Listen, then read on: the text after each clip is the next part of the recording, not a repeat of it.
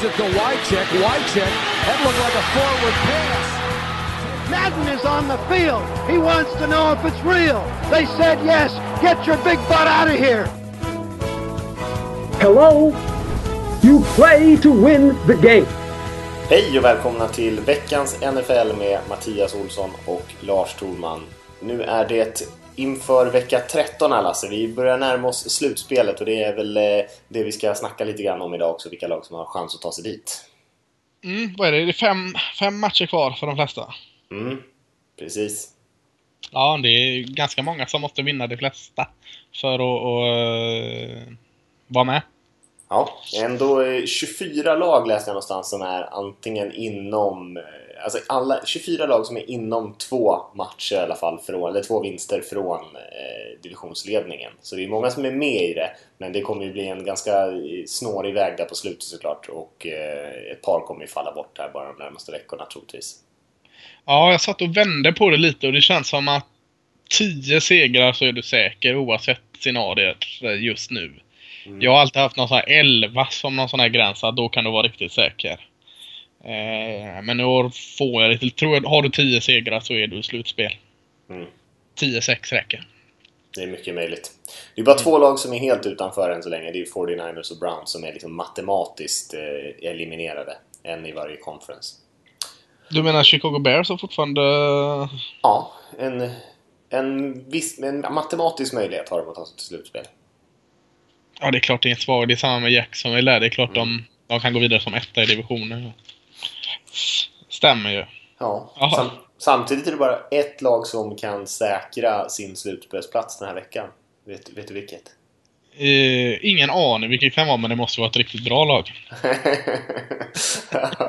ja, Dallas Cowboys såklart. om, eh, om Redskins förlorar och de vinner. Eh, något annat scenario fanns det där också för mig. Men, eh, så att det är ingen, som, ingen annan än Cowboys som kan känna sig helt trygg i alla fall.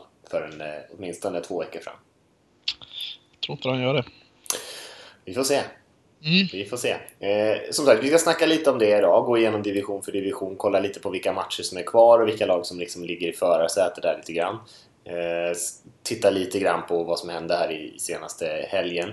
Det var ju några matcher där det var rejäl dramatik. Och sen ska vi kolla lite på eh, kommande matcherna såklart, lite på collegefotbollen så har vi fått in några, eh, några bra frågor där i slutet också som vi ska ta som vanligt. Och det har inte varit så jättemycket nyheter runt om i NFL-världen den här veckan men det är två grejer som kom fram som är rätt spännande och som, som eh, känns som rätt stora grejer är ju att Eh, för det första är det den här Thursday Night Football-konceptet som man har kört, att man har kört matcher på torsdagar.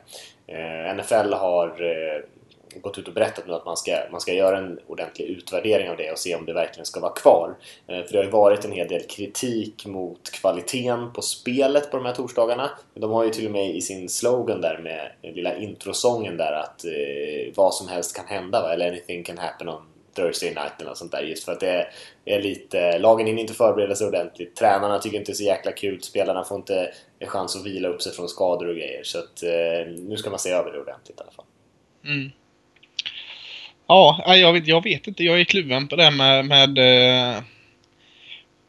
man sitter ju oftast och stressar igenom dem när man ser dem dagen efter. Jag är väldigt sällan uppe natten mellan torsdag och fredag som eh, jag drar fötterna till jobbet 08.00 på fredag så, eh, så är det sällan jag sitter uppe på samma sätt som på en söndag. Visserligen går till jobbet på en måndag med men, men det känns som något liksom är inpräntat att man sitter bara en match till, bara lite till på en söndag. Medan torsdag ska man då ställa klockan för att gå upp och se en match. Eh, det är ju ett svenskt perspektiv här, det är ju inte samma i USA. Hade, hade jag bott i USA så hade jag nog varit väldigt mycket för eh, torsdagsmatchen för att eh, det ger mig möjlighet att se ytterligare en match.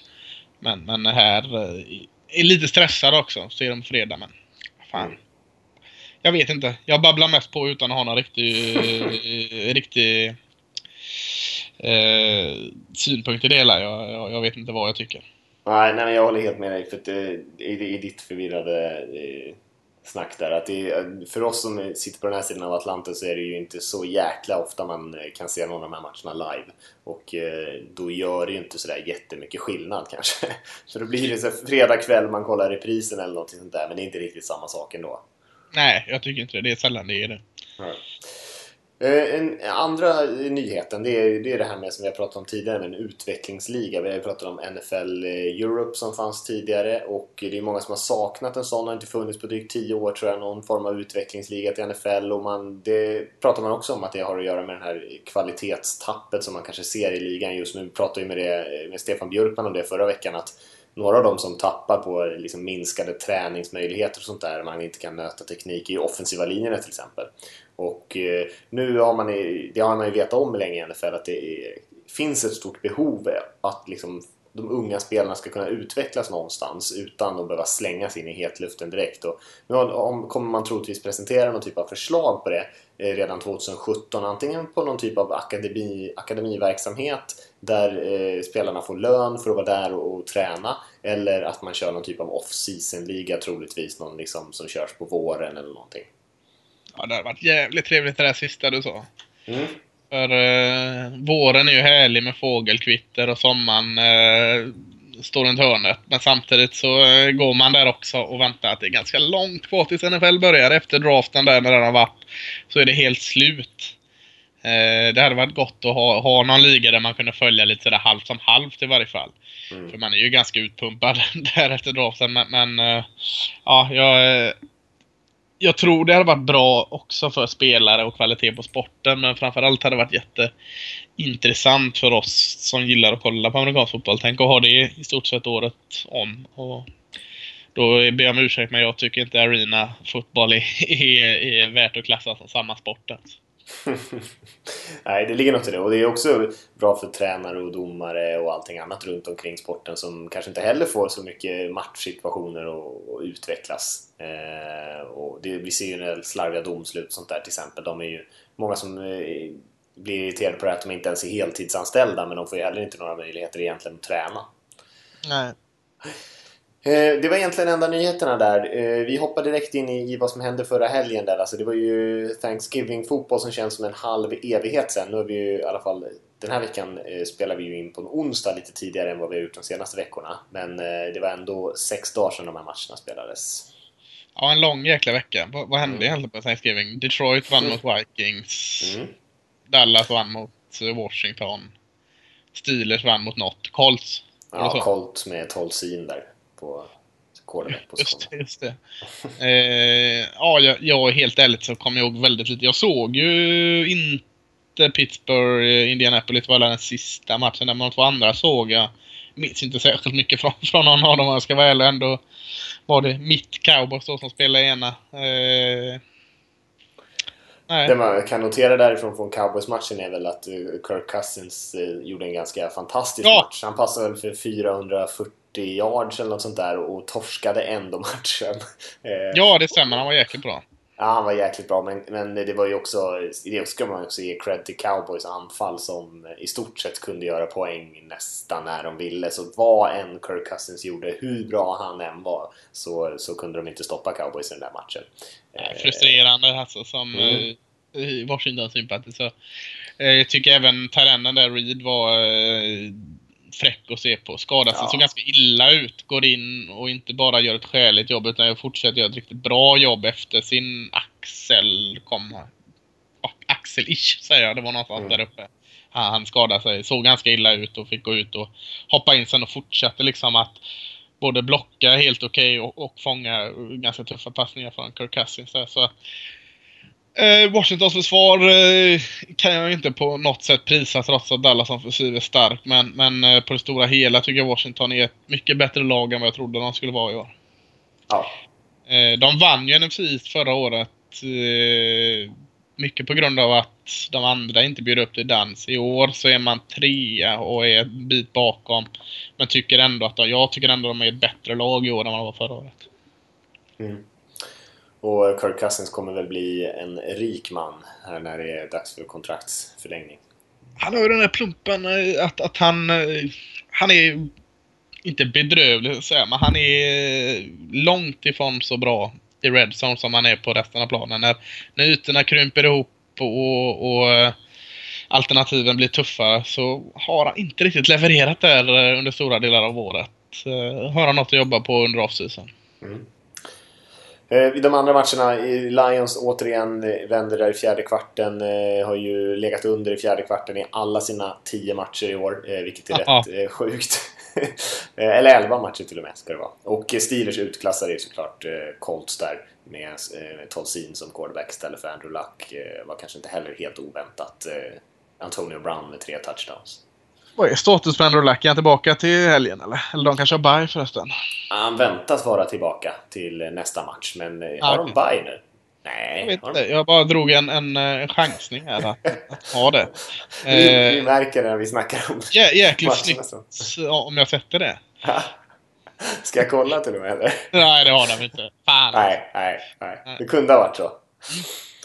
Eh, de andra matcherna sen då gick vi vidare till, eh, till söndagen där. Var det, var det någonting spännande? Själv kollade jag på eh, Browns Giants så det var ju inte så jättemycket att skriva hem om kanske på 19 matcher där. Två ganska dåliga lag, alltså för dagen dåliga lag va? Eh, Giants var inte heller sådär jättebra.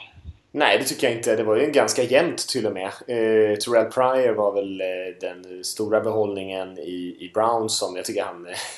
han är, det är en fascinerande historia. Och sen eh, Jason Pierre-Paul egentligen i Giants för tills eh, Odell Beckham eh, Jr tog över matchen lite grann i fjärde kvarten. Men det var jämnt länge. Eh, mm. Giants... Alltså jag, jag tycker inte de har sett bra ut egentligen någon match jag har sett dem. Eh, rätt jag väl gallfeber på lite Giants-supportrar. De är ändå 8-3 än så länge den här säsongen, men eh, på något sätt lyckas de ändå vinna. Den här matchen var väl kanske deras absolut enklaste. De är ju 0-12 nu. Jag vet inte om du såg presskonferensen eller med Hugh Jackson. Han höll ju nästan på att börja gråta på presskonferensen när han eh, skulle prata om den här säsongen. Det är, det är nog tuffa tider där bort nere i eh, Cleveland. Ja, fy fasken. Alltså, eh, cred till publiken som ändå kommer. Det är ju inte eh, helt tomt på läktarna. Alltså, de är ju det. Fast de är härdade, den Cleveland-publiken. Ja, jag tycker de spelar rätt hårt ändå. Alltså, det är inte så att de lägger sig. Uh, och, Nej, verkligen inte. Men verkligen. Uh, det, de är för dåliga helt enkelt. Ja, så är det. Ja, jag såg... jag var lite nyfiken på Goff mot ett innan pissigt försvar i Saints. Mm. Han kunde göra det. Började ju bra som fanken tycker jag i Los Angeles Rams mot New Orleans Saints. Eh, jag tyckte han började riktigt bra och, och eh, höll i, jag tänkte skriva någonting någonstans att nu jäklar kollar jag första valet och sen började det dala lite mer. Men jag tycker absolut inte han ska lastas på något sätt eh, för förlusten. De har bekymmer med det här springspelet. Todd Gurley ser inte alls ut som Todd Gurley förra året och det hjälper ju inte mycket. Och offensiva linjen mm, hjälper ju inte heller. Så att jag ska inte säga på något sätt att Goff är nästa Montana eller eh, Tom Brady eller vem man nu gillar att lyfta fram. Men, men jag tycker inte absolut inte man ska ge upp på Jared Goff och säga att det är ett hopplöst fall. För jag tyckte jag såg tendenser. Han har en väldigt bra, man är väldigt bra i, i Redzone till skillnad från Kirk Cousins. Där känns han väldigt bra. Så att man såg ändå ganska tydliga saker som Jared Goff gjorde bra. Eh, så, så, jag tror fortfarande på Jared Goff. Det är på tok för tidigt att säga till exempel att Eagles vann eh, valet av QB som nummer ett och två. Än så länge har man haft mer nytta av Wentz än Goff, men får ge det lite tid. Eh, men, men eh, Los Angeles försvar eh, som har varit inte bara bra utan jäkligt bra. Hade inte mycket att säga till mot, mot New Orleans roliga offensiv. Jag vet inte om du har sett matchen? Nej, jag har inte sett den för helhet. Nej. Alltså när Mark Ingram springer så bra som man gör här så öppnar det upp så ohyggligt många bra alternativ för Drew Brees och får Drew Brees lite extra hjälp med att man måste respektera springspelet. Då är det ju alltså jäkligt svårt att försvara mot, mot New Orleans Saints. Eh, då har man råd att släppa en del poäng. Eh, för oj oj oj vad de bombade ut bollar åt alla håll alltså. Mm. Eh, desto mer det gör att jag aldrig riktigt blir klok på New Orleans Saints alltså. Försvaret, visst, det, det har sina hål helt klart. Men, men med den offensiven så borde man vara närmare att spela som Dallas Cowboys än, än uh, vad man gör där man vrider och vänder varenda jäkla match. Mm. Det här var ju hemma i Superdome också där man är ju alltid lite starkare. Ja, det är lätt att säga det, men fan, man är 3-3 i Superdome i år. Så mm. det är sån här, jag brukar också säga det när jag tippar. Ja, Saints, de är hemma. Eh, där vinner de. Men, men, mm, det, men det, i år har de inte varit lika starka där som man kanske är van vid. Men eh, det är klart att Viss fördel leder ju alltid. Mm. Eh, vad var Ditt det mer? Ditt Seahawks, det var en konstig jäkla match som jag också kollade på. Ja, visst. Eh, till och med jag fick ju ge dig lite eh, luft under vingarna här och säga att men Seahawks offensiva linjen börjar ju se lite spännande ut. Bör- Börjar se lite tendenser. Jag kan inte säga att den är bland de bästa men den är inte totalt helt jäkla värdelös. Mot Buccaneers var den bra nära totalt jäkla värdelöst. Eh, du sa där att centern Justin Britt var borta. Eh, såg ut att ha enormt stor betydelse för Tampa Bay Buccaneers. Kom igenom hela jäkla tiden. Och gjorde ett helvete för, för eh, Russell Wilson. Den såg, den såg riktigt kass ut, deras offensiva linje. Absolut. Det gick ju knappt för dem att överhuvudtaget spela anfallsspel eh, mot Buccaneers här. Och då har ju inte... Buccaneers har ju... Det är en av deras svagheter. Det ska vara det i alla fall. Även fast de har spelat bättre på försvaret de senaste matcherna. Eh, så är det ju inte så att det är Broncos direkt. Och eh, jag tror att de hade 11 quarterback hits och eh, ja, det var, det var galenskap egentligen. Men matchen i sig, Tampa Bay gjorde ju två touchdowns direkt till från James Winston till Mike Evans. Sen gjorde man inga fler poäng i matchen. Inga, Nej. inga poäng i andra, tredje, fjärde kvarten. Men det behövdes ju inte för att Seahawks kunde inte göra någonting. Så den slutade ju 14-5 där.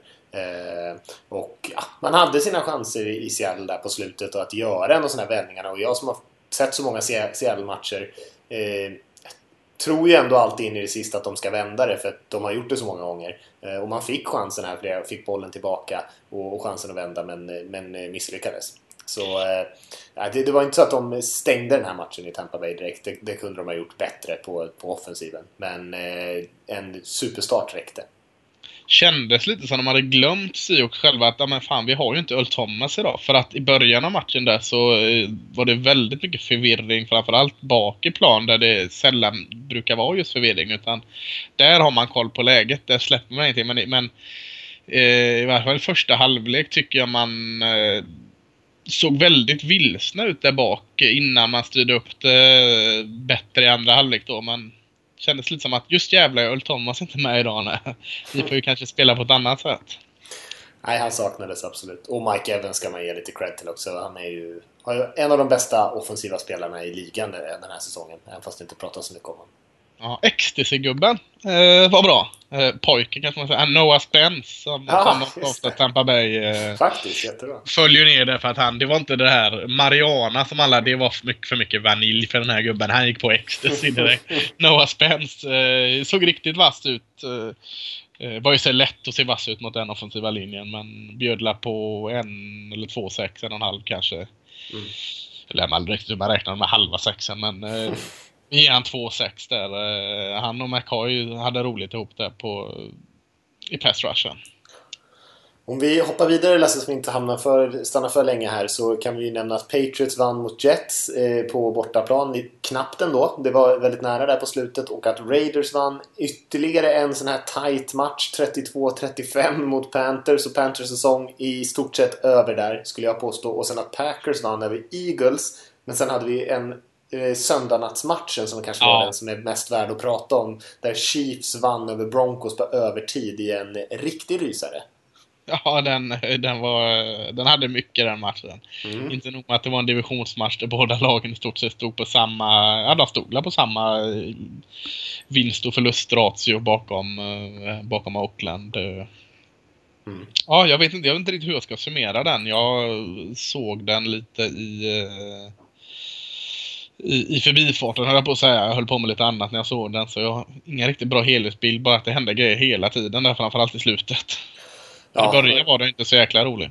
Nej, det var den ju inte. Och det var då det snarare försvaren som dominerade. Och Ja. Chiefs saknar ju Jeremy Macklin här igen. eh, Och en, hel, en del spelare på försvaret också. Men, men det som är... Man kanske ska, bara för de som inte har sett matchen, så gjorde ju Chiefs touchdown bara med sekunder kvar. eh, Med stor dramatik för att kvittera matchen, gå till övertid. Eh, Sen gör båda lagen varsitt field goal så att det liksom fortfarande är lika på övertid. Sen satsar Broncos på och ta hem vinsten och försöka kicka in ett 62 yards field goal. Eh, nu är det ju Denver här där man brukar säga att det är lite enklare med de här långa kicksen eh, från McManus där, men han missade och eh, Chiefs kunde istället ta matchen. Men när de skulle kicka in sitt vinnande field goal så var det inte helt solklart utan den gick via stolpen, alltså på, på målstolpen och in. Precis, precis att den studsade in över, över ja, den osynliga linjen där, vad man ska kalla den.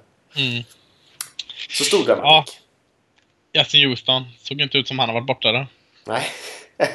Man kan bli lite farliga Chiefs. Eh, ja, men... det, det, brukar vi säga. Men en spelare man ska nämna också som inte sa någonting om faktiskt. Var ju eh, kicken i Baltimore Ravens den här veckan. Eh, Tucker. Som har satt alla sina field goals den här säsongen. Och satte tre stycken över 50 yards för att vinna divisionsmatchen mot Cincinnati. Eh, och eh, han eh, drog fram alla sina bästa skämt på presskonferensen också. Så eh, en kille som spelar med självförtroende och verkligen vinner matcher åt dem också. Mm, verkligen. Ska, Ska vi, vi lämna... Ja? ja, det gör vi. Jag tycker Ska vi kolla hur det ser ut i, i, här nu, i AFC kanske? Mm. Vi, vi går igenom en division i taget så, och kikar lite på hur, de, hur det står till där och vilka lag som kommer gå vidare. Mm. Ska vi börja med öst? AFC East. Mm. Eh, det känns väl ganska självklart att New England Patriots vinner den divisionen trots att man bara är två matcher. Det är alltså AFC East har New England Patriots på 9-2, Miami Dolphins 7-4, Buffalo Bills 6-5 och eh, sorgebarnet då New York Jets på 3-8. Eh, och det intressanta här är ju inte New England Patriots eller New York Jets för de är klara och borta borta. Så det intressanta tycker jag i alla fall blir eh, om något av lagen, eh, Miami Dolphins eller Buffalo Bills, kan kriga sig till en slutspelsplats. Mm. Och för Bills tror jag det kommer, det kommer handla om de närmaste två veckorna egentligen. Man spelar ju bortaplan mot Raiders och sen möter man Steelers. Och eh, man har inte så mycket marginal. Man måste ju kanske vinna fyra av de här fem sista matcherna. Så att man får ju absolut inte torska båda dem i alla fall. Nej, precis. Man har uh, Oakland borta, Pittsburgh hemma. Så de har Cleveland hemma. En liten, uh, liten enkel seger. Så säger mm. alla. Någon kommer förlora mot dem, hoppas jag. Sen har du Miami hemma och så avslutar mot Jets. Så det är inget omöjligt. Men, men som du säger, de ska vinna. Fyra av fem måste de nog vinna, tror jag. Mm. Eh, tror jag inte de gör. Nej. Eh, Miami är en seger före, men också lite tuffare schema tycker jag. De är borta mot Baltimore här nu senast. Eller en, upp nästa, ska jag säga. En tuff match. Eh, hemma mot Arizona. Vart en besvikelse i år, så där, där, kan man väl vinna. Sen är borta mot Jets, där ska man vinna.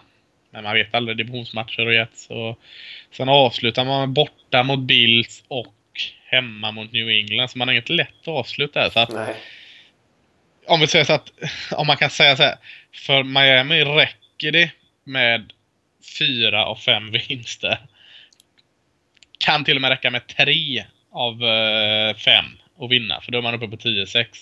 Men då ska de vinna de här tre. Jag, jag, är lite tveksam. Jag tror, jag tror nog både Miami och Buffalo hamnar på 9-7 och, och frågan är om det räcker. Tror inte det. Nej, jag tror inte det räcker. Alltså, vi har ju West där också med ett helt gäng lag Precis. som har minst lika många vinster som de här lagen som... Eh, ja, och det kommer bli tight om wildcard-platserna.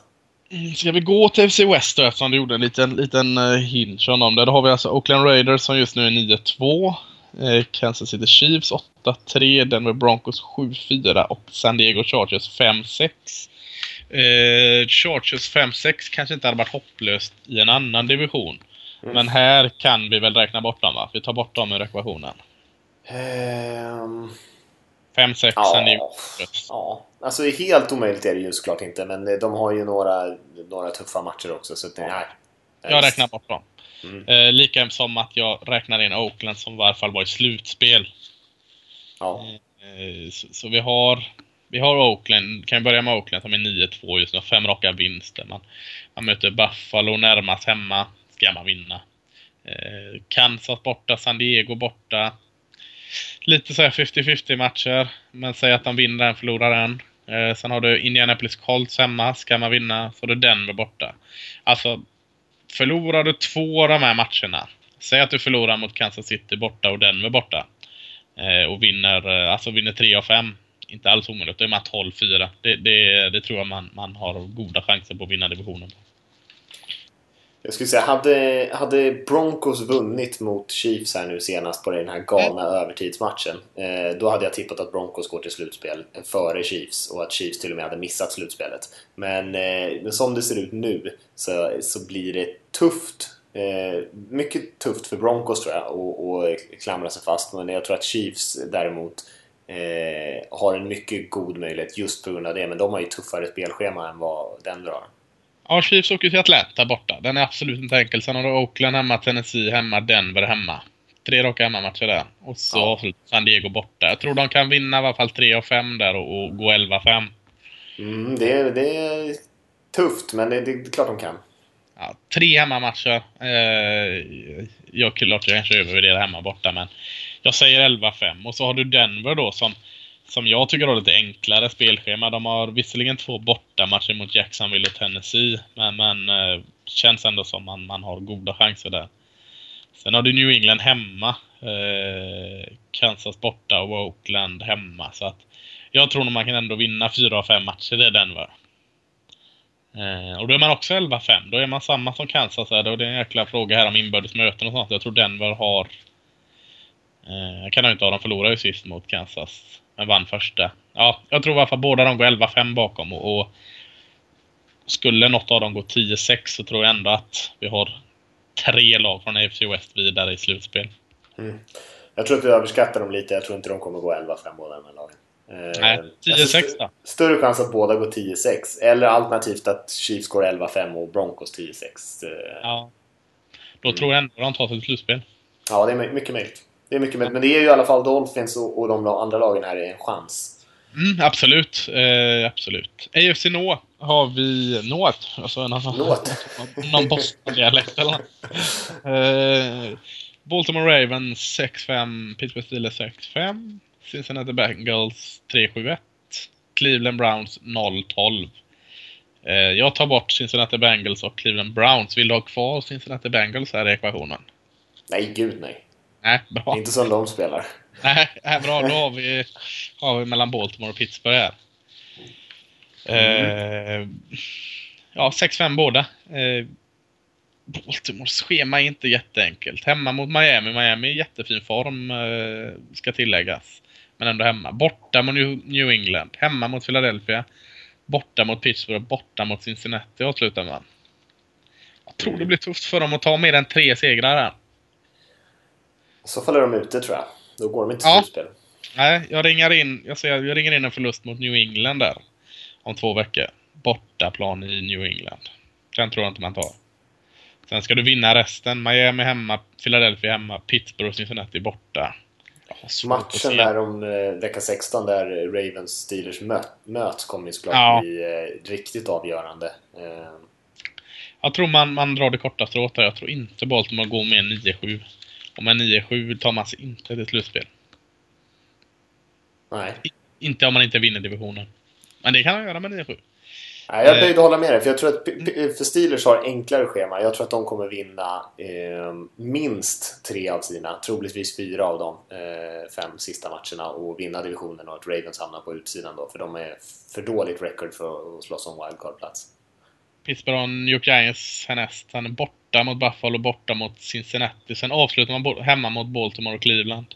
Mm. Eh, känns inte alls omöjligt att man går, går 4 av 5 där. Eh, och, och, då är man 10-6. Och då är man vidare. Och då är Baltimore utanför.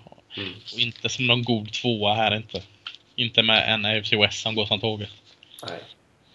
Vad har vi kvar? AFC South. Ja, den är den är spännande om inte annat. eh, vi tar väl bort Jacksonville Jaguars som ligger, ja vi kan säga Houston Texans 6-5. Tennessee Titans 6-6. Indianapolis Colts 5-6.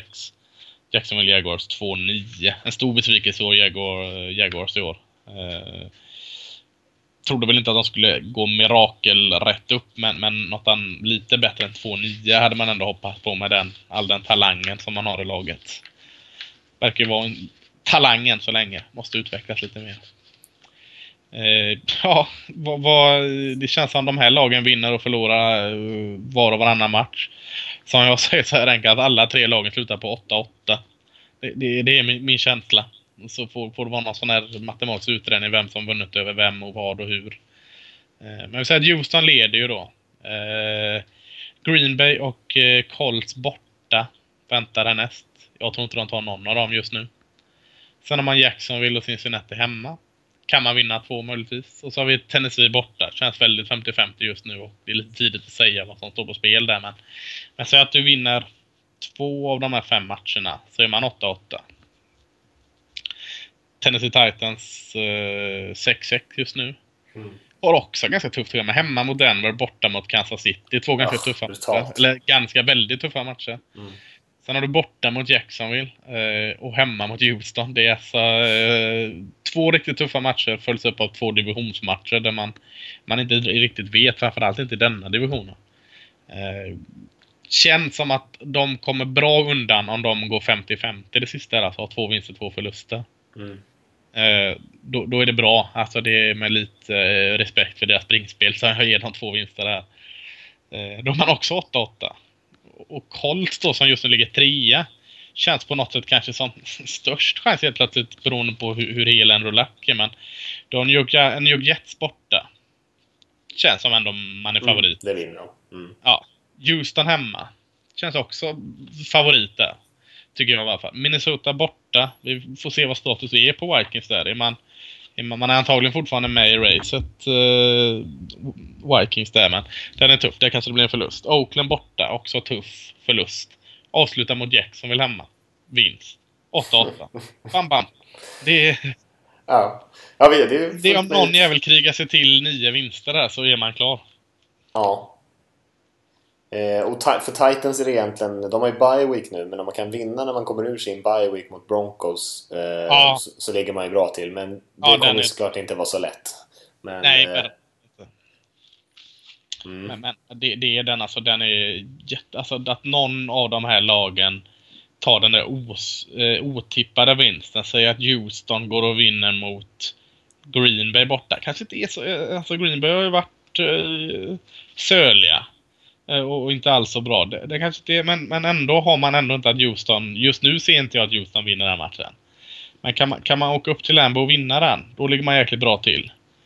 Eh, eller om, om Tennessee vinner mot Denver eller Chiefs, då ligger man också bra till. E-, eller om Colts kan ta den här skrällvinst mot Minnesota eller Oakland borta. Det är den som tar den där oväntade vinsten, den där divisionen nu som tar det tror jag.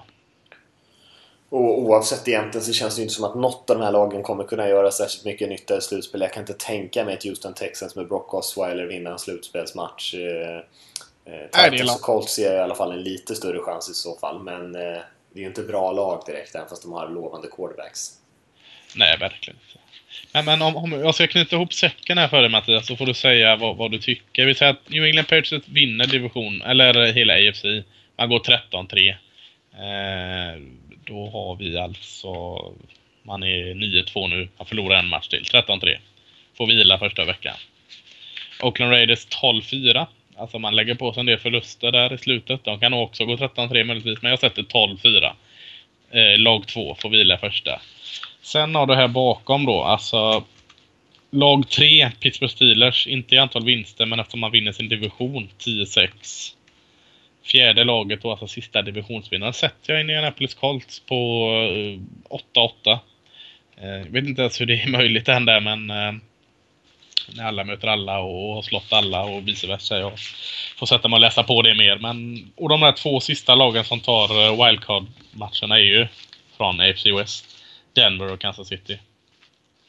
Vilka, mm. Vilken skulle du vilja, om du, även om du håller med mig här så får du ta bort ett av de här lagen. Vilket ska jag ta bort? New England, Oakland, Denver, Kansas City, Pittsburgh, Baltimore. Nej, förlåt. Pittsburgh och Indianapolis. Eh, alltså, alltså jag skulle ta bort Denver i så fall tror jag. Eh, mm. Och så skulle möjligtvis då jag tror inte riktigt på Dolphins ärligt talat. Men eh, kanske att eh, Ravens skulle slinka in då. Men ah, mm. jag tror inte riktigt på det heller. Eh, hmm.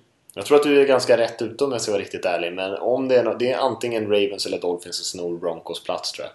Ja. Uh, ja men det, det köper Och sen att Colts vinner där i AFC South, det ser jag inte som alls en självklarhet. Det kan, det kan vara vilket som helst av de där tre lagen. Det, det, det, skulle jag behöva bättre koll på tiebreaken där egentligen. För ja, det, det har jag inte heller full koll på. Och de möter ju varandra igen ytterligare, så tiebreaken är ju inte riktigt klar än heller. Nej.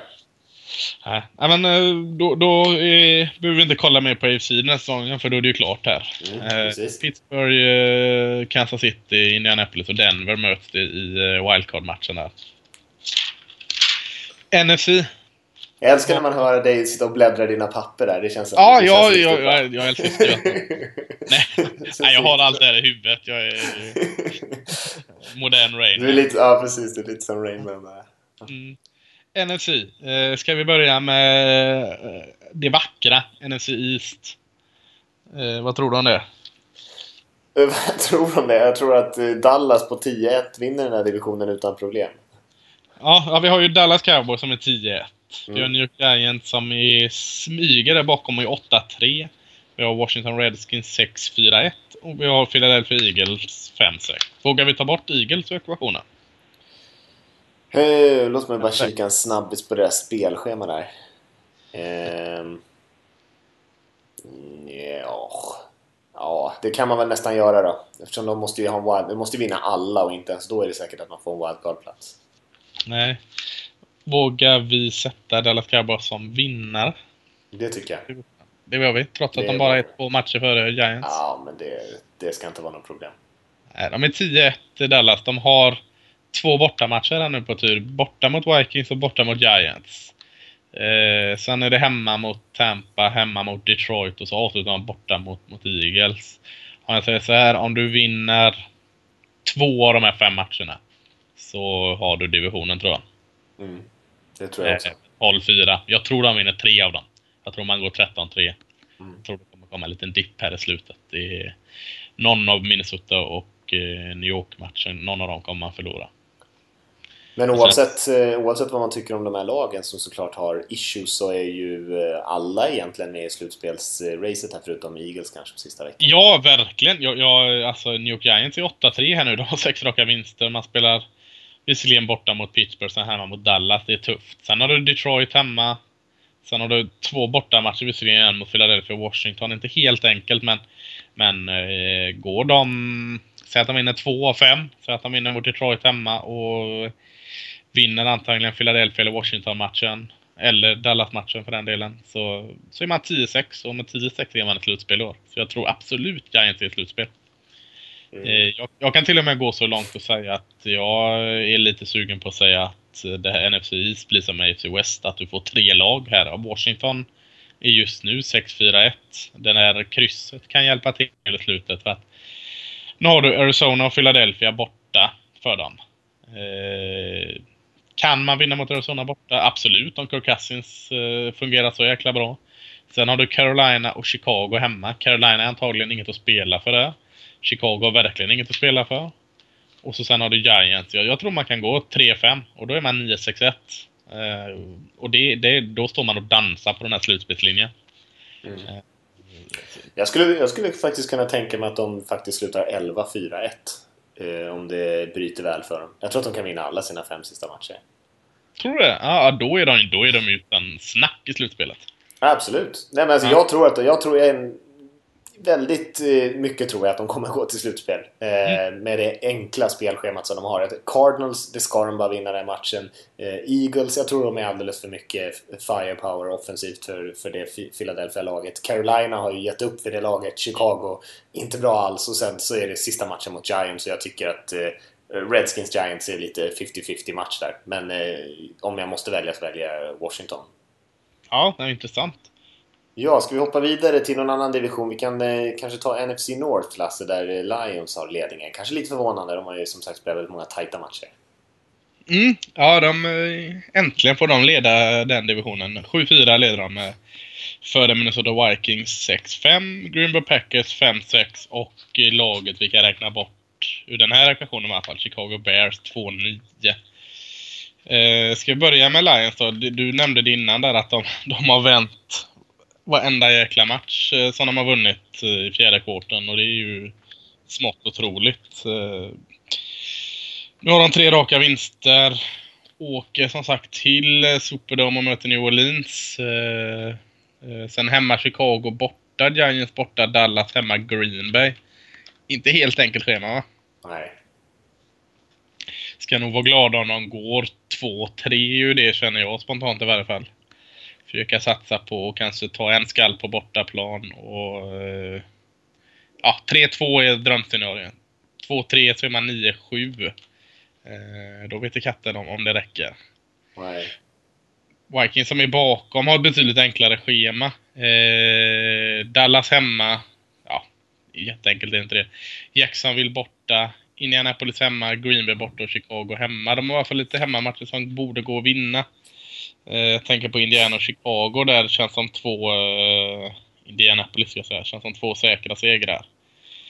Eh, sen tycker jag de nog kan ta en match till Dallas, Jacksonville och Green Bay. Till och med två med lite flyt. Om de hittar tillbaka till det där flytet de hade i början av säsongen. Mm, vad känner du? Tror du de är, tror du de är kapabla att vinna fyra av fem där eller är det tre av fem mer rimligt? Jag tycker 3 av 5 låter mer rimligt. Båda de här lagen slutar på 9-7. För jag tror Lions, jag tror inte de vinner fler än två. De har ju varit mycket bäst starkare på hemmaplan i år än vad de varit Mm. på bortaplan också. Ja, nej, men då har vi båda 9-7 vilket gör att eh, Green Bay trots allt är med i detta. De har, de har Houston hemma, den ska man vinna. Eh, om man ska ha en chans överhuvudtaget. Eh, Seattle hemma. Eh, ja, vilket Seattle möter de? De är ändå hemma trots allt. Eh, fördel Seattle, men bra nära 50-50 ändå. Säg 60-40 fördel Seattle. Sen har Chicago borta, ska man ta. Minnesota hemma. Ja, ja, varför inte? Detroit borta sista. Säg att de tar 3 av 5 där då. Eh, räcker inte. Då är man 8-8 va? Mm. De måste nog vinna. De måste vinna 4 av 5. Gör de det? Ja, jag tror att de vinner eh, över Texans, Bears, antingen Seahawks eller Vikings och sen så avgörs det på sista matchen mot Detroit. Ja. I Detroit. Jag tror de når upp till 8-8. Eh, och då har vi 9, två 9-7-lag i Detroit, Detroit och Minnesota. Eh, jag har inte riktigt koll här. Nu har de mött varandra två gånger, båda de lagen där. Detroit vann ju här, här senast mot dem va? Minnesota är ju 1-3 i divisionen i alla fall än så länge. Så lite fördel Detroit lutar i dagsläget åt ändå om, om vi eh, om vi ska ta något mellan Detroit och Minnesota. Kanske även om Green Bay är inblandad i det. Och då är ju den där sista matchen Detroit-Green Bay verkligen eh, en enormt stor match. Mm. Så Minnesota kanske får svårt av dem att ta sig vidare. Det står kanske mellan Detroit och Green Bay då. Mm. Där best case scenario eh, 9-7 går vidare på det. Mm.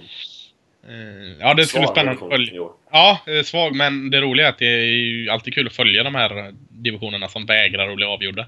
Mm. Eh, Som denna, även att den är svag. NFC South har vi... Vilka har vi där? Atlanta Falcons, Tampa Bay Buccaneers, vi har New Orleans Saints och vi har Carolina Panthers. Jag räknar bort Carolina Panthers 4-7. Kan jag göra det? Ja. Med tanke på Atlanta Falcons ändå är 7-4 så uh, når de inte upp och vinna den divisionen. Eh, och Falcons är, ju favorit. 7-4 har man nu. Jag tycker man har ett ganska trevligt schema närmast. Kansas hemma. Los Angeles borta och San Francisco hemma. Jag, jag säger inte att de ska vinna tre där, men jag ser det inte som en omöjlighet att de har 3-0 där. Sen har du Carolina borta och New Orleans hemma. Ja, fyra av fem vinster eh, tycker jag ändå är rimligt. Kan, köper du det? Ah, jag tror inte de vinner så många. Jag tror de vinner tre kanske. Ja, tre, jag tycker ändå de har enkelt schema. Eh, Ja. San Francisco och New Orleans hemma. Båda. Där ska de vinna båda. Ja, Okej då. Jag ger dem, ger dem fyra av fem. Ja, med. 4-5. Då är de 11-5 och då är det inget snack om att de är i Nej. slutspel. Och eh, känns ganska säkert att de vinner NFC, Sou- en, eh, NFC South. Jag på det. Ja, för de andra har det tuffa mot... Ja. Ett tufft, tufft schema tyvärr. Alltså, Bucks till exempel som spelar både borta mot Saints och hemma mot Saints för den delen. Och sen borta mot Cowboys och sen borta mot Chargers. Det är ganska tuffa matcher och jag tror inte de kommer kunna... För de måste ju vinna åtminstone fyra av de fem sista matcherna och det tror jag inte de kommer klara av. Nej, i bästa fall skulle jag säga tre. Jag säger att jag ger Ja, dem sista matchen. Sista matchen mot Carolina, det är en vinst. Jag ger dem vinst mot San Diego borta och då är jag snäll. San Diego är absolut inte ett så dåligt lag som att ligga sist i divisionen egentligen. Och så vinner de mot New Orleans hemma. Då har de tre vinster. 9-7. Det, är, det räcker inte. Nej, det räcker Nej. inte. Och New Orleans, det är lite samma veva här. De, de har också, de är visserligen hemma mot Detroit här näst. Kan han vinna? Eh, absolut. Borta mot Tampa. Mm, och hemma mot Tampa, självklart då. Säg att han tar en av dem. Då har de två vinster.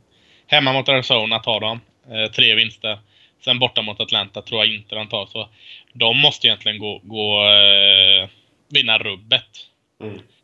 Eh, och det gör de inte. Det är inte en chans. Så de är också borta. 8-8 skulle jag tippa på om man bara skulle sätta ett nummer på dem. Håller du med? Nej, jag tror att de kan vinna kanske fyra av dem, men eh, jag tror ändå inte det räcker. Nej, fyra räcker inte. Eh, absolut inte. Eh, då har vi eh, NFC West kvar, som, som jag tycker kanske är den mest klara eh, divisionen. Vi har Seattle Seahawks på 7-3-1. Bakom skuggar Arizona Cardinals 4-6-1. Los Angeles Rams 4-7 och San Francisco 49ers 1-10. Och jag behöver inte fråga dig om det jag kan ta bort San Francisco 49ers för det är väl, det är väl klart även på papper att men vi kan gå vidare, så de tar vi bort. Eh, Los Angeles Rams tycker jag väl också vi kan ta bort va? Ja. 4-7, 7 förluster. De möter också Patriots borta, Falcons och Seahawks borta sina närmaste tre matcher och kommer vara 4-10 om jag får eh, tippa. Ja, de kan vi ta bort. Eh, Arizona Cardinals är nästintill också att vi kan ta bort det. Så de har, de har 4-6-1 i dagsläget. Eh, de har Washington hemma. Säg att de vinner den. Det är inte alls säkert att de gör det. Eh, Miami borta. Känns också tuff. New Orleans hemma. Visst, det vinner de. Eh, Seahawks borta och LA borta. Säg att de skrällvinner någon av de matcherna i divisionen.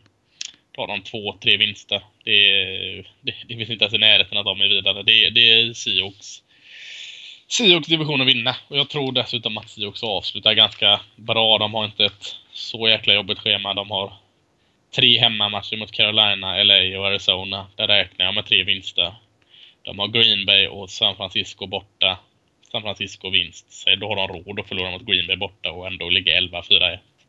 Så eh, Seahawks, alltså även att eh, Dallas har ett bättre, bättre eh, facit just nu, eller 10-1, så tycker jag det är väldigt, Seahawks är nästan säkrast att ringa in som ett slutspelslag.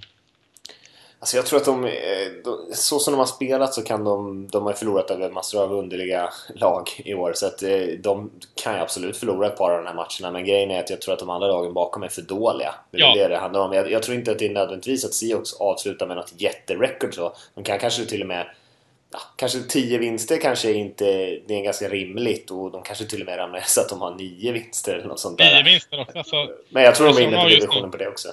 Ja, Arizona har just nu 4 vinster. Vinner de ut så är de, har de nio vinster och ett kryss. Mm. Eh, precis som Seahawks skulle ha. Så mm. eh, nej, Seahawks är, är klara på att egentligen två matcher till behöver de vinna så är de klarade Seahawks. Ja. Jag tror ändå de vinner lite mer så jag tror de slutar på 11 vinster. Mm. Eh, vilket gör att jag har Dallas och eh, Seattle som de två lagen som har bye i första. Sen har vi Atlanta som trea med 11-5. Jag har Detroit Lions 4. 10-6 eller 9-7. Jag kan, kan, inte riktigt. Det kanske inte spelar störst roll heller. Eh, lagen bakom däremot som jag har är eh, två lag från NFC East. Jag tror både Giants och Washington Redskins kan ta de här två sista platserna. Mm. Ja, jag håller med dig. Ja, och då har vi både IFC och NFC har vi en jättedivision som bidrar. Eh, NFC East och AFC West. Och så har du vinnarna av de andra. Jag ser inte det som någon, jag, jag, tror... Det låter ju väldigt konstigt att NFC som man har fnyst åt ett par år nu, med all rätt, helt plötsligt bidrar med tre lag i slutspel. Men det känns inte alls orimligt. Nej. Det som jag skulle säga som ett wildcard där, det är att eh, Giants eh, torskar på tiebreaken sin wildcard-plats. Eh, ja. För jag, jag, känner mig mer trygg i att Washington tar sig vidare med sitt relativt enkla spelschema än eh, att Giants gör det. Men Giants ligger i ett sånt bra utgångsläge på 8-3 just nu. Så även fast de skulle torska eh, fyra av sina fem sista eh, så eh, är det fortfarande inte säkert att någon kommer ifatt dem. Nej, och skulle de torska så skulle det vara Green Bay eller Minnesota som tar den där sista. Jag tror inte Tampa eller New Orleans eller något är där uppe och, och petar utan det är ett lag till från NFC North då som skulle kunna komma med. Mm. Mm. Håller med. Ja, nej, men då, då är vi nöjda där. Då ska vi inte gotta ner oss allt för mycket mer. Det kanske är nog så svårt att hänga med ändå här när vi sitter, sitter och babblar på om spelscheman i, i oändlighet. Möjligt. Möjligt. Eh, vad var det som vi sa att vi skulle göra då, Lasse? Ska vi kolla lite grann på eh, veckans matcher? Ja, det tycker jag. Det finns mm. en jäkligt många bra matcher. Ja. Eh, eh hade svårt att, att, på något sätt summera in ett par matcher vi kollar på, men, men den jag först tänkte på var ju Kansas City Chiefs eh, som reser till Atlanta och möter Falcons. Eh, tycker jag känns jättespännande. Båda lagen har bra facit. Chiefs 8-3, Falcons 7-4. Eh, och så är det en liten sån här match. Offensivt starka Atlanta mot defensivt starka Kansas City. Det är alltid lite extra roligt med såna där eh, ytterligheter som möter varandra. Eh, eh, sen tänker man efter lite, man kollar om Atlanta har sina förluster senast här mot eh, Philadelphia, San Diego och, och, Seattle. Tre lag med väldigt bra pass rush. Eh, och tada! Kansas City Chiefs har en fantastiskt bra pass rush med mm. Justin Houston tillbaka, Ford som börjar producera och, och kommer från alla håll. Så, eh, visst, Atlanta Falcons Olan har steppat upp och spelat bättre i år än de har gjort tidigare och Matt Ryan är bra men det blir ett väldigt stort test för den här O-linen eh, att möta Kansas City Chiefs pass rush. Särskilt när de har haft svårt mot passningsrusande starka lag. Så eh, en bra match i matchen. Mm. Nej, jag håller med det, det kan bli en riktig höjdare tror jag. Eh, och en 19-match också som man kan eh, mm. njuta av om man, eh, om man är på det humöret. Så, jag tror att just Falcons har varit så extremt konsekventa i sitt anfall. Så stabila, alltid bra egentligen och svåra att sätta stopp på. Så på hemmaplan så tycker jag att de har lite en fördel här. Men jag tror som sagt båda de här lagen, eftersom vår genomgång där, så tror jag att båda de här lagen når till slutspel oavsett hur den här matchen slutar. Det här är liksom inte deras måste-match. Men, eh, men för Falcons har ju ändå några som andas dem lite grann i nacken. Så att för dem skulle det vara väldigt skönt att ta den här, ta den här fighten. Eh, och man har ju fått tillbaka Tevin Coleman och lite andra spelare som gör att man får ännu mer större bredd i sin offensiv. Eh, men jag tror att det kommer bli en spännande match. Det tror jag. Det är säkert jämnt. Mm, jag håller helt. Ytterligare en, en 19-match då som jag har ringat in är Detroit Lions 7-4 mot eh, New, New Orleans Saints 5-6. Eh, just för att eh, Detroit flyger fortfarande lite under radarn. Man är, eh, visst, nu har man fått lite uppmärksamhet där att man leder sin division, men man har ändå vunnit sex av sina sju senaste matcher. Och det, om inte det är en bra form så vet jag inte vad som är en bra form. Och, eh, Stafford, han gör väldigt, väldigt mycket av det han får att jobba med. Och vi har lyft honom ett par gånger här, men, men det tåls att lyfta han igen. Han förtjänar mer cred. Eh, tycker försvaret börjar se bättre ut. Och det, är lite, det, det mesta stämmer sådär precis, precis, precis tillräckligt för att vinna matcher just nu. Och det är alltid intressant att följa sådana lag. Eh, New Orleans visserligen eh, inte så starka hemma som man har varit tidigare, men trots allt ett, ett eh, genom tiderna starkt hemmalag. Eh, en offensiv som, var, som är löjligt bra när det får, får ett fungerande springspel såg vi mot Rams senast som, som ändå har ett bra försvar. Och, och få, få Ingram springa så som man gör så eh, då är Breeze livsfarlig. Så att eh, den, den tycker jag ska bli, ska bli spännande att se också. Kan Lions bara få igång det där jäkla springspelet, det känns som jag sagt det förr. Så ja, så är man kanske inte att räkna med som Super Bowl-vinnare, men man är ett starkt lag. Jag är väldigt synd på skadan där på Amir Abdullah i början på säsongen. För att, eh, mm. det kändes ändå som att han hade visat mycket positiva grejer och var på väg in liksom, i någon typ av eh, genombrottssäsong och, och särskilt eftersom Lions ändå har en del bra offensiva linjespelare till exempel. Så det hade varit kul att se, det hade de behövt. Jag kanske inte behövt eh, spela så riktigt så jämna matcher i fjärde kvarten.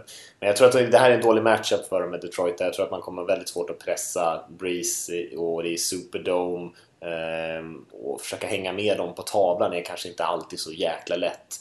Ehm, det kommer säkert bli mycket poäng, men jag tror att faktiskt att Saints vinner den här på hemmaplan. Ja, ja, jag kan köpa det också.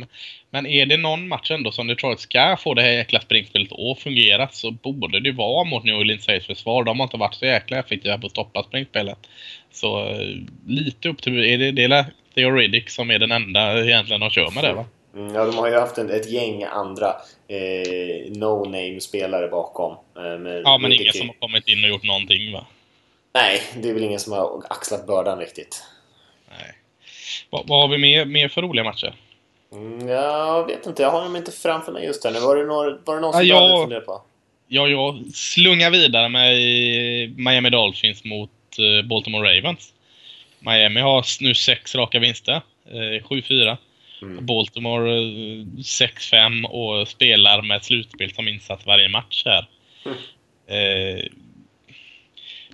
precis som, lite som Giants och lite, nu har jag pratat om Detroit, men Miami nämns inte så jäkla mycket om dem. Visst, de har ett tufft schema som kommer, men sex raka vinster är starkt. Eh, och det är ganska roligt att kolla på varför de har blivit så bra. Alltså försvaret är inte på något sätt något mästarförsvar. Något, de, de gör det inte dåligt, men offensiven, det är ganska enkelt. De har steppat upp sin offensiva linje och tycker jag blivit väldigt, väldigt mycket bättre. Det känns... Eh, var det för två eller tre år sedan de hade, man sa så här, nu är deras linje jättebra.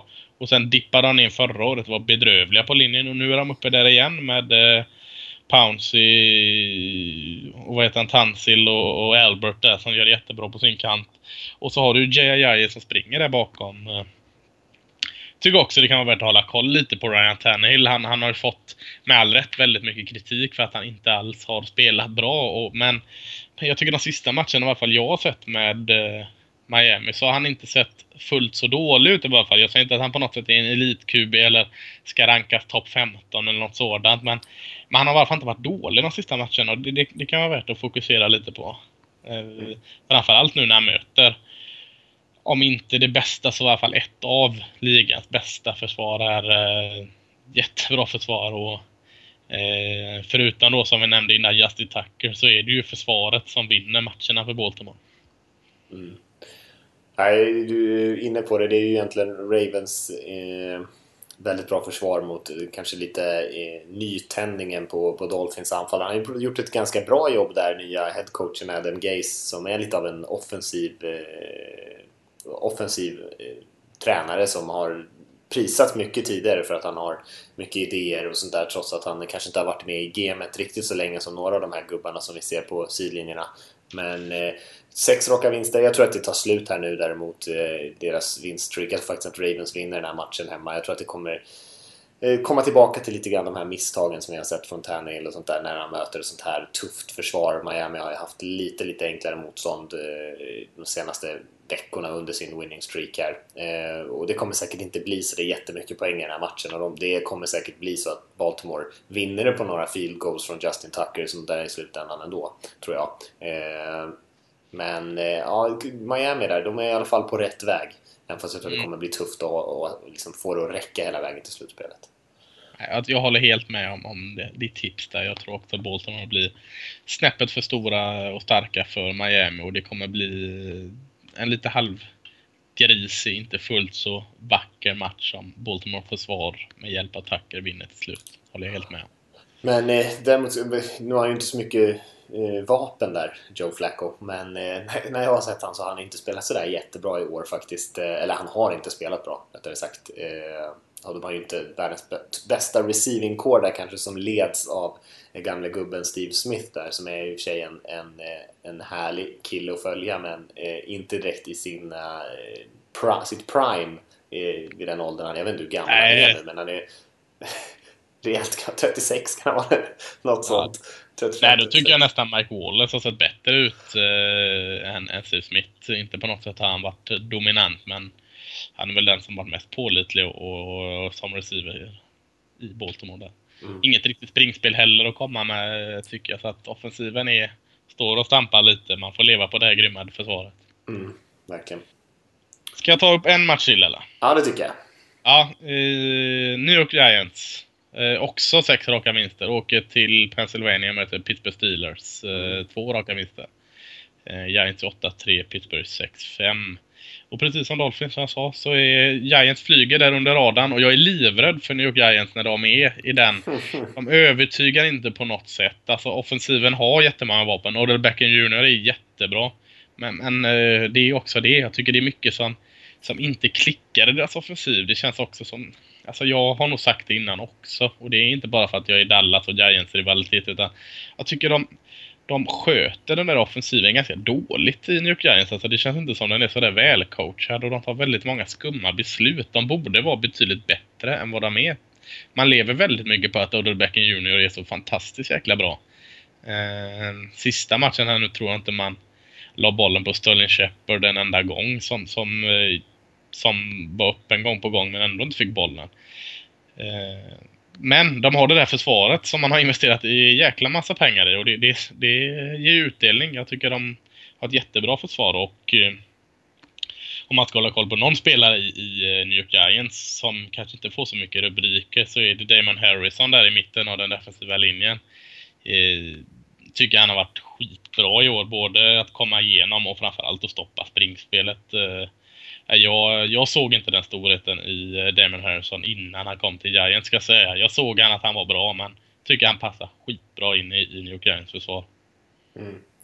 Och Pierre Paul har ju verkligen vaknat till som vi nämnde där när vi recapade förra veckan. Han eh, eh, var rent ut sagt dominant senaste matchen. Eh, så det är ju ett gott tecken för dem också. Nej, jag håller med det, det, inte, det, finns ingen riktig metodik i det anfallet och det är väl kanske för att man inte kan springa bollen överhuvudtaget. Eh, så, så blir det lite hackigt. Och eh, det är ju mycket Odell Beckham Jr och vad han gör efter mottagningen. Han fångar bollen och sen ska han liksom finta bort ett par stycken och springa 15-20 yards till. Och det gör han ju med jämna mellanrum. Och det är ju därför de gör poäng och vinner matcherna också. Men det, det känns inte direkt som att eh, det finns någon tydlig kontroll eller filosofi eller någonting. Utan det är lite hipp som happ just nu. Giants ja. i alla fall. Ja, jag är rädd att de, är, de, de snubblar sig in i slutspelet här och så helt plötsligt så klickar allt i slutet. Precis som man vann Super Bowl sist. Mm. Man övertygar ingen direkt i eh, grundserien och kom med där, eh, tog ett wildcard och eh, sen bara dominerar man i slutspelet. Jag, jag säger inte att det kommer bli så, men jag är livrädd för det scenariot. jag har sett det innan. Ja. Steelers då, vad ska man säga om dem? Det, det, känns också som att det är samma gamla vanliga Steelers. Kan man vara så tråkig i sin analys? Alltså, eh, ben Roethlisberger och hans eh, kamrater på offensiven eh, kör eh, fullt ös till, så länge det går. Och så får man se vilken dag försvaret har. Ja, eh, nej men det är ju också, eh, apropå att vara rädd för något, alltså det är ju inget lag som man skulle vilja möta i slutspelet direkt. Eh, Pittsburgh Steelers-laget med Roethlisbergers och, och Le'Veon Bell och Antonio Brown och allt det där. känns som att de kan vinna mot vem som helst. Men de har också visat att de kan förlora och bli utklassade av nästan vilket lag som helst också. Så det inte heller varit stabila. Men, men jag tror att de som vi var inne på där kommer att skärpa upp sig lite på sluttampen. Mm. Jag tror de vinner det här också. Ja, ja, ja, ja, det är för svårt. Jag kan inte säga. Hörru, ska vi lämna den här veckan? För nu känner jag att vi börjar ticka upp här i lite minuter. Ska vi hoppa in och kolla på lite collegefotboll innan vi tar lite frågor där på slutet, Lasse? Det kan vi göra.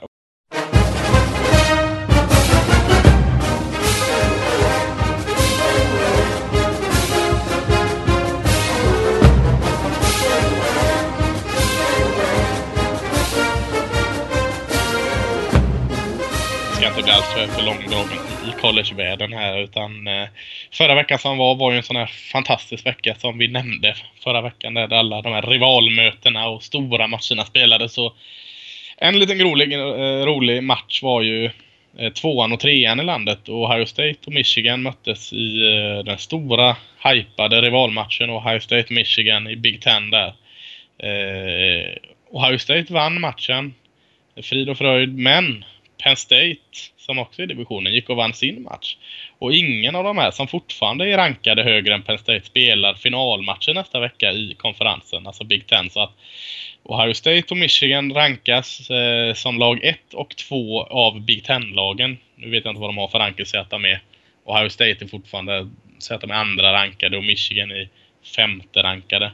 Men ingen av dem är i final i konferensen utan det är eh, sjuan och åttan i landet, Penn State, Wisconsin. Så det var en ganska rolig liksom eh, twist på hela den här stora matchen att ja, den betyder så jäkla mycket och så gick Ohio State och vann. Men det var slut där. Penn State gled in på, eh, vad säger man, eh, tog köksdörren in och, och eh, köksvägen in och bara tog finalplatsen för dem. Eh, väldigt väldigt eh, bisarrt eh, på en så stor jäkla match att det bara föll pladask så. Annars är det veckan som kommer nu är ju de här eh, mästerskapsmatcherna eller Championship Game i de olika konferenserna. Så i, i Pac-12 har du Colorado Washington. I, i, eh, i SEC så har du Alabama Florida. Det är den, den stora divisionen eller konferensen. Och ACC, Clemson, Virginia Tech och, och Big Ten då som vi nämnde. Wisconsin och Penn State. Så, Big 12 har ju ingen finalmatch men, men det har eh, fallit ut så väl att de två Oklahoma-skolorna möts i sista omgången där Big 12, Oklahoma och Oklahoma State. Och båda är 9-2 och 1 och 2 i konferensen så det blir, blir ju en inofficiell final där ändå. Så, så ja, vi får se hur mycket det påverkar vilka fyra lag som går till slutspel här men, men eh, en rolig sista vecka också med eh, tuffa jämna matcher. Mm. Med det sagt så hoppar vi in i och tar lite frågor tycker jag. Eh, och de som vill skicka in så är det podcast at nflsupporter.se som vi alltid brukar säga som man kan mejla in till. Och vi har faktiskt från, fått in en, en, fråga från en kille som heter Martin som faktiskt skriver att han skickar sitt tredje mejl. och tredje ja. gången han lovprisar den här fina podden som vi förser honom med, säger eh, han. Men han skriver den här gången undrar jag över begreppet hard count. Man ser ju ofta att defensiva linjen går offside eller begår neutral zone infraction då motståndarnas QB kör en hard count. Att kuben ändrar sin snap count för att lura motståndarna fattar jag. Men hur brukar det gå till i praktiken? Sen en följdfråga som jag precis kom på när jag skrev detta. Vad är skillnaden mellan offside och neutral zone infraction? Keep up the good work. Hälsningar Martin. Mm. Uh, hard count kan vi prata om då för vad det är. Det är, det är ofta, alltså det är ju, ja det är jag inne på lite. Det är ju för att dra eh, försvaret offside så man får fem gratis yard. Eh, ofta använder man det i, eh, på tredje eller fjärde försök när du ska få fem gratis. Och det är också ganska bra till exempel säga att du är på första yardlinjen i egen endzone. Alltså att du startar då hela planen framför dig. Eh, kan du äventyra väldigt mycket med snapcounten och hardcounts för att får du straff på det, att du gör en fall start så betyder det att du får backa några millimeter.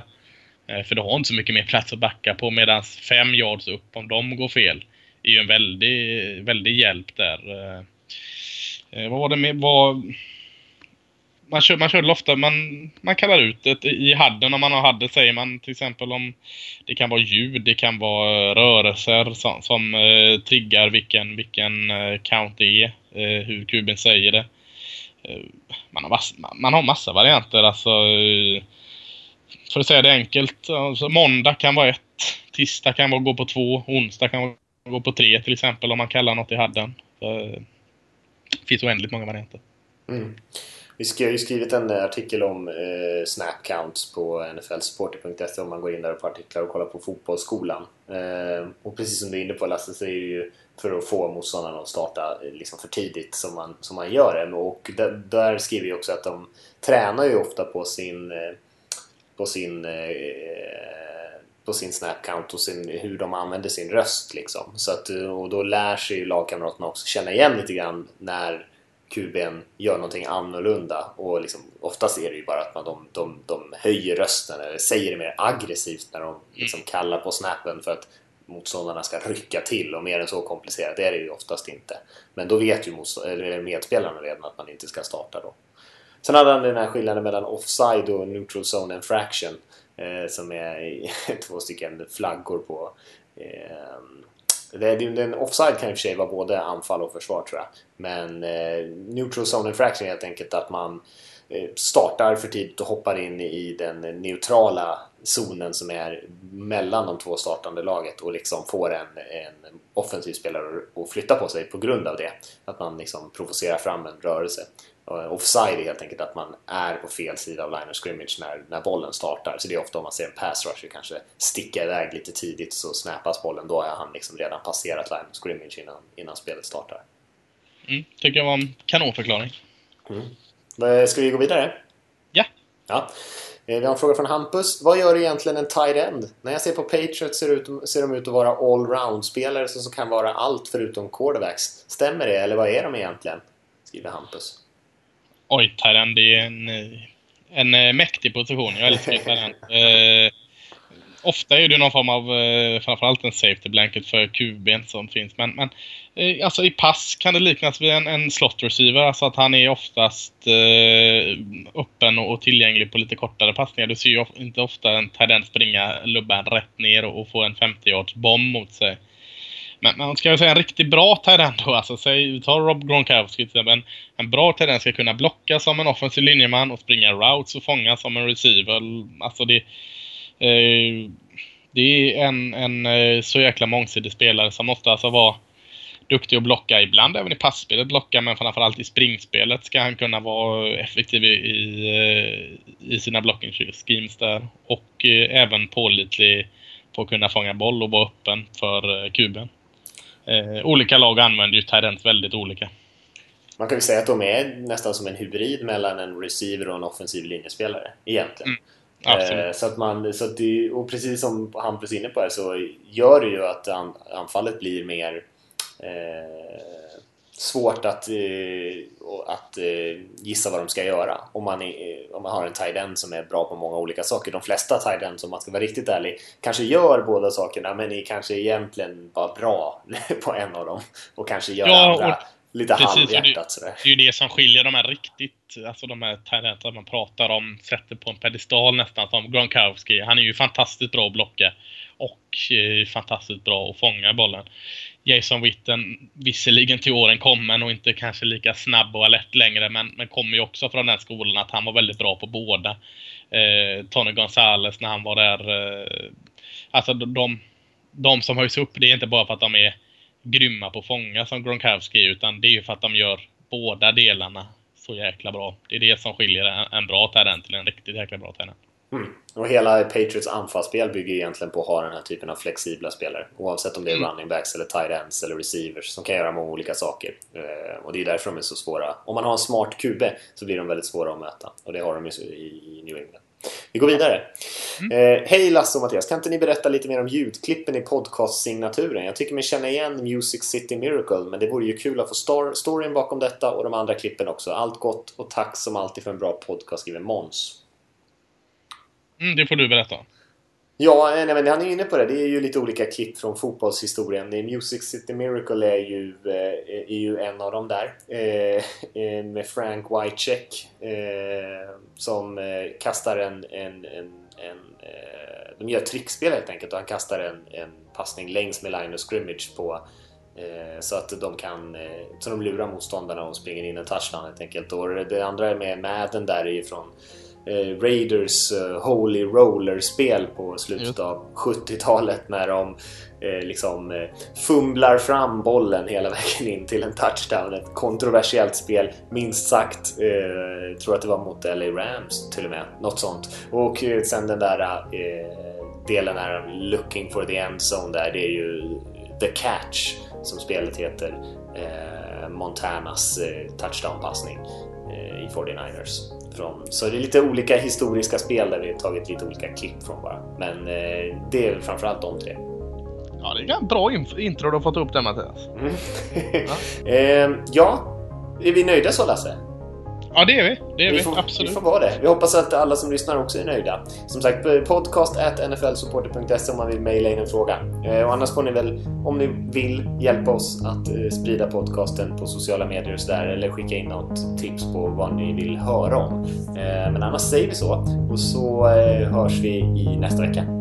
Det gör vi. Ha det bra allihop.